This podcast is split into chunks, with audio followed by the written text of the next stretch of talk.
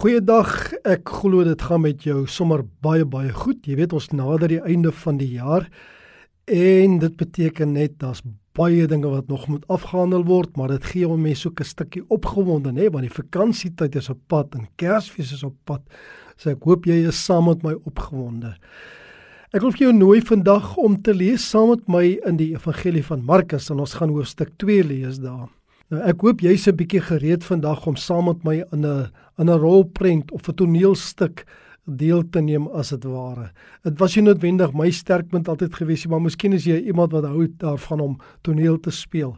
En hierdie is 'n baie baie interessante verhaal en dit is amper soos hulle sê, dis fliekmateriaal hierdie.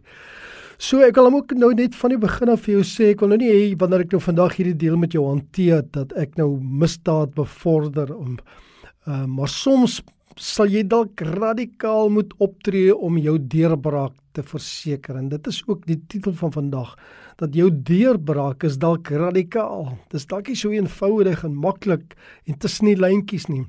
Dit mag dalk vereis dat jy nie in die ry staan nie, maar van 'n ander kant af toegang kry. Dit mag dalk beteken dat jy letterlik moet inbreek. En voor ons lees, kom ons bid eers saam. Hemelse Vader, Baie dankie dat ons hierdie woord van U in ons taal beskikbaar het. Dankie dat ons U woord volledig het. Dankie dat ons kan glo dat wat hier staan ten spyte van allerlei vertalings deur eeue heen, Here en die betekenisverskille in woorde en idiome, weet ons hierdie is nog steeds U woord en U waak daaroor. En dankie Vader dat ons dit met vertroue kan lees en dat ons kan glo wat hierin staan kom van U af uit U troonkamer uit. Dankie vir hulle wie U geïnspireer het oor jare om hierdie woorde vir ons neer te skryf en ook hulle wat vertaal het sodat ek vandag hier kan sit met u woord in my eie taal. Ons eer U daarvoor in Jesus wonderlike naam. Amen. Ek kom ons lees Markus 2 van vers 1 af. En na 'n paar dae het hy weer in Kapernaum gekom. En die mense het al gehoor dat hy in die huis was. En dadelik het baie saamgekom sodat daar selfs by die deur nie meer plek was nie en hy was besig om aan hulle die woord te verkondig. En daar kom mense na hom met 'n verlamde man wat deur vuur gedra word. En toe hulle van wie die skare nie naby hom kon kom nie, maak hulle die dak oop waar hy was en nadat hulle dit oopgebreek het, het hulle die bed waar die verlamde op lê laat afsak. En toe Jesus hulle geloof sien, sê hy vir die verlamde: "Seun, jou sondes is jou vergewe." En sommige van die skrifgeleerdes het daar gesit en in hulle harte geredeneer: "Waarom praat hierdie man so godslasterlik?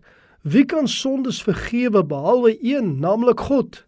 En Jesus het dadelik in sy gees geweet dat hulle by hulle self so redeneer. En hy sê vir hulle: "Wat redeneer julle oor hierdie dinge in julle harte? Wat is makliker?" Om vir die verlamde te sê die sondes is jou vergewe of om te sê staan op en neem jou bed op en loop. Maar dat jy kan weet dat die seun van die mens mag het om op die aarde sondes te vergewe sê hy vir die verlamde man. Ek sê vir jou staan op neem jou bed op en gaan na jou huis toe. En dadelik staan hy op en neem sy bed op en gaan voor die oë van almal uit, sodat almal verbaas was en God verheerlik en sê so iets het ons nog nooit gesien nie. Nou vriende, in hierdie gedeelte is daar eintlik vier verskillende rolspelers. Daar's 'n skare wat buite en binne in die huis saamdrom. En dan is daar die skrifgeleerdes wat deel is van die skare, maar wat nog spesifiek uitgesonder word, maar kom ons maak hulle dan nou maar deel vir hierdie saak as deel van die skare. En dan is daar vriende van die verlamde man wat bloot net as vuur of as hulle voorgestel word. En dan is daar die verlamde man en dan is daar natuurlik Jesus ook. Kom ons begin net eers by Jesus net so as 'n inleiding want hy was ten minste die trekpleister. Hy was die belangrike besoekende prediker. Hy was die een wat die wonderwerke gedoen het. Kapernaum was eintlik Jesus se hoofkwartier. Hy het baie baie keer daarin gegaan, daar geoorgeslaap, oorgerus en en daar gekuier by sy vriende. Hy het in die platteland gepreek en na 'n tyd toe keer Jesus nou terug na Kapernaum toe. Nou kom ons kyk 'n bietjie na die skare mense. Die skare mense hoor dat Jesus daar is en hulle drom gou-gou saam om na Jesus te luister. Sommige het 'n plek gekry in die huis, maar ander staan maar buite. Die Bybel sê nie vir ons of daar enige spesifieke redes by enige persoon was om na Jesus te luister anders as net dat hulle al voorheen na Jesus geluister het, dat 'n mens nou mekaar aflei en gevind het dat Jesus besonderse woorde gepraat het. Woorde wat hulle harte geraak het. Niemand in hierdie skare het so intense behoefte aan enige aanraking van Jesus gehad dat hy of sy iets so radikaals gedoen het dat die Here besluit het om dit in sy woord op te teken. Mense sal amper sê dit was 'n kalm skare. Mense kan maar sê dit was 'n verwagtinglose skare wat bereid was om wat Jesus ook al sê te ontvang. Dit is nie altyd 'n slegte plek om te wees natuurlik nie, want dit spreek van nederigheid. Dit spreek van harte wat oop is vir God se woord. So skade kan egter iemand anders wat wel 'n spesifieke verwagting het, 'n spesifieke aanraking van Jesus nodig het verhoed om bevredig te word. So skade kan die weg na Jesus toe blokkeer. Wanneer jy in so skade beland, kan jy maklik opgee. Jy kan maklik rondkyk en jy sien die passiewe gedrag van die skare en almal is net gelukkig en vol vrede oor die toestand waarin hulle is en hulle omstandighede. En dan vertolk jy maar dit as dis die norm en dit is hoe dinge gedoen word en dit is hoe dit moet wees. En dan besluit jy om eerder maar stil te bly. Dat jou verwagting nou nie so belangrik is in vergelyking met hoe die skare mense rondom jou optree nie. Nou kom ons haal tog maar die skrifgeleerdes 'n bietjie uit. Hulle is natuurlik deel van die skare, maar maar die teksgedeelte haal hulle spesifiek uit. En jy ken hulle, die skrifgeleerdes. Jy weet jy moet oppas vir hulle. Jy weet hulle is vol kritiek. Jy weet dat in so skare daar nie eintlik vryheid is solank as wat hulle daar is nie. En jy besef hulle maak die reëls en jy beter liewer uit hulle pad uit bly anders word jy gekritiseer, selfs getigtig, geminag soms selfs aangespreek oor jou woorde of jou gedrag of hoe jy sake sien. En hulle ontmoedig jou eintlik heeltemal om enige vrae te vra of om enige swakheid te openbaar. Swakheid in die sin dat jy kom met 'n behoefte wat jy het en jy en jy hoop dat die Here jou sal aanraak.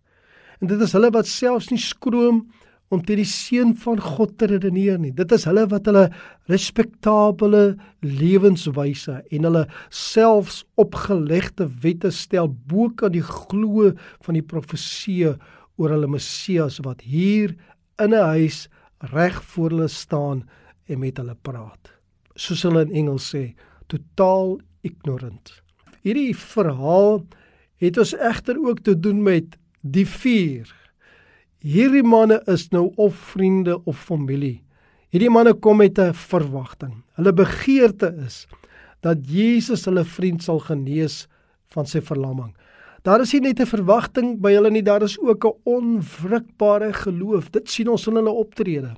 Hulle laat hulle nie lank deur die skare verhoed nie. Die oomblik toe hulle sien maar hier is nie 'n plek om deur te kom nie, weet hulle ons moet 'n ander plan maak. Hulle laat hulle ook nie afsit eintlik deur die skrifgeleerdes nie. Ek weet nie eens of hulle geweet het dat hulle daar was nie. Hulle laat hulle ook nie afskrik deur die struktuur van die huis nie. En daarom gaan hulle tot op die dak en hulle breek die dak oop om 'n verlamde man op 'n draagbare op tot op die dak van 'n huis te kry vereis baie deursettingsvermoë. Jy weet iemand wat verlam is, is soos ons sê dit is 'n dooie gewig. Dan is daar nog die misdaad dat hulle die dak van die huis breek en verantwoordelik gehou kan word vir die skade. Hulle verwagting kan hulle geld kos. Wat ook al die koste, hulle onsien eenvoudig niks nie. Hulle beer eenvoudig voort totdat hulle die verlamde man deur die dak tot voor Jesus laat sak het. En hierdie optrede van hulle het tot gevolg dat Jesus optree omdat hy hulle geloof sien. Die volgende persoon wat natuurlik sentraal in hierdie verhaal staan is die verlamde man. Maar die verlamde man is eintlik 'n passiewe deelnemer. Hy lê maar net daar op sy bed. Maar uit Jesus se optrede wil dit voorkom asof wanneer daar geskryf staan dat toe Jesus hulle geloof sien, dit ook die verlamde man insluit.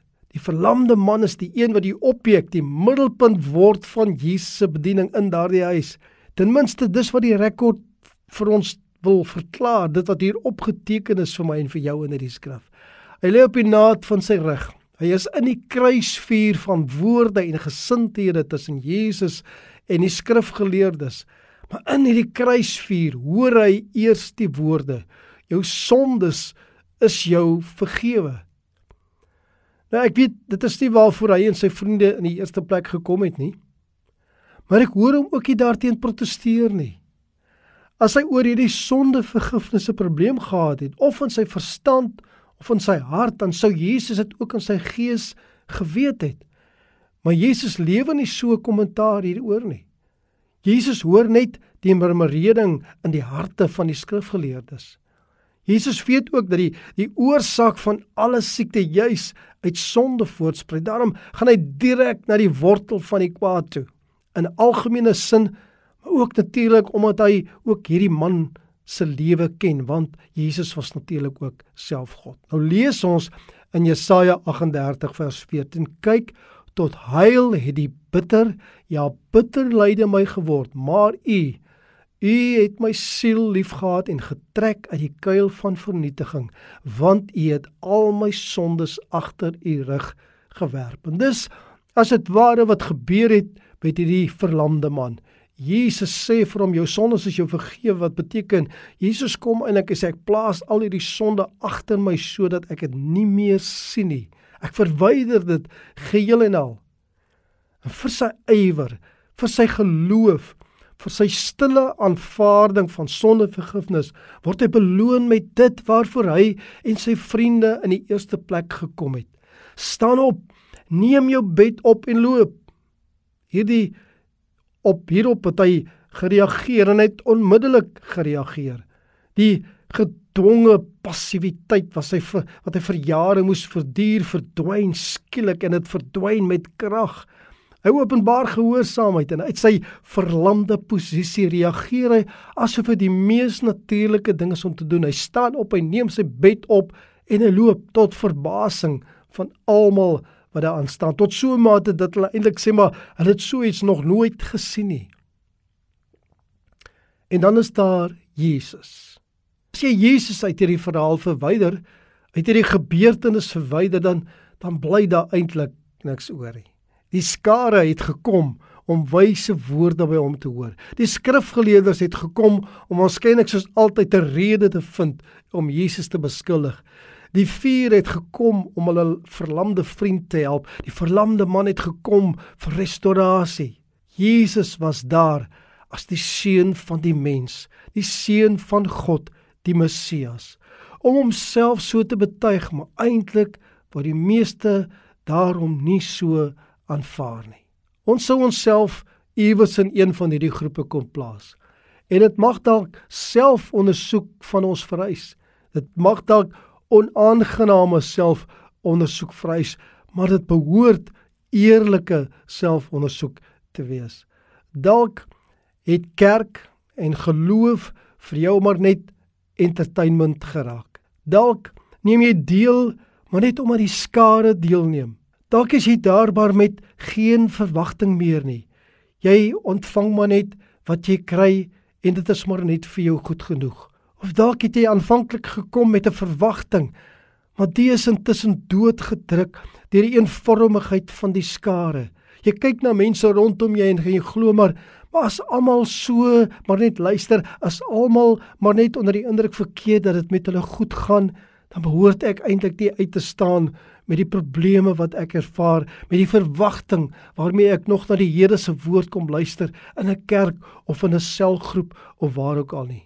Dalk is jy daar om voortdurend te kritiseer, soos 'n fariseer, om foute soek. Dalk is jy die een wat die werking van die Heilige Gees en die vloei van die Christelike liefde doof sodat alles volgens jou reëls, jou smaak, jou voordeel kan plaasvind. Dalk is dit wat jy vandag ontdek dit is hoe ek is. Maar jy kan ook wees soos die vuur. Jy kan ook voldoende geloof in Christus hê sodat jy deel met ander wat lam gelê is deur die lewe. Jy kan die een wees wat onverskrokke mense tot voor Jesus se voete bring ongeag die koste. Jy kan die een wees wat dit alles doen en soos die vuur nie by die naam genoem word nie en selfs buite die kring van eer bly sodat iemand anders vergifnis en genesing kan ontvang en Jesus Christus vereer word. Maar dalk is jy die een wat wag op 'n radikale deurbraak, letterlik en figuurlik dan beter jy die vuur dat die geloofshelde rondom jou kry wat die dak sal breek sodat jy voor Jesus se voete kan beland. Moenie wag nie. Vra die Here om die een persoon of dalk 2 of 3 of 4 op jou pad te stuur en glo dat dit kan gebeur. Die wat saam met jou sal bid en doen wat nodig is, dan sal jy ook geloof hê om die woorde te hoor staan op en neem jou bed op en loop. Al jy moet vandag hierdie ondersoek met jouself doen. Die Here vra dit van jou en my. Hy vra vir ons bepaal weer 'n slag. Wat is jou posisie in my kerk? Wat is jou posisie in my koninkryk? Wat is jou hartsgesindheid? Onthou, die Here het die hartsgesindheid van die Fariseërs opgetel. Hy het gehoor wat hulle daar sê, daar in die diepste geheime, dit wat hulle nie hardop gesê het nie. En vriende, dit is niks anders vandag met my en met jou nie. Die Here weet wat binne in jou aangaan. Maar die Here sien ook die geloof van iemand wat sê ek staan in die bres vir iemand anders. Ek is 'n kryger van die Here Jesus. Ek bring mense na hom toe. Die Here ken daai optrede. Hy ken daai onverskrokke geloof ook. En jy hoef jou nie te steur aan die skare en die fariseërs nie. Die Here weet wat in jou hart aangaan, wat in jou lewe aangaan. Hy weet wat het jou lam geslaan.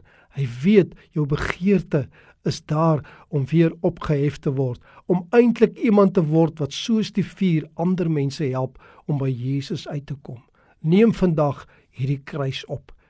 Hemelse Vader, ek bid dat U vandag vir ons sal vergewe as ons so geraak het dat kerk, dat U geloof wat U vir ons gegee het, dat hierdie evangelie vir ons doodgewoon geraak het en niks meer besonders is nie.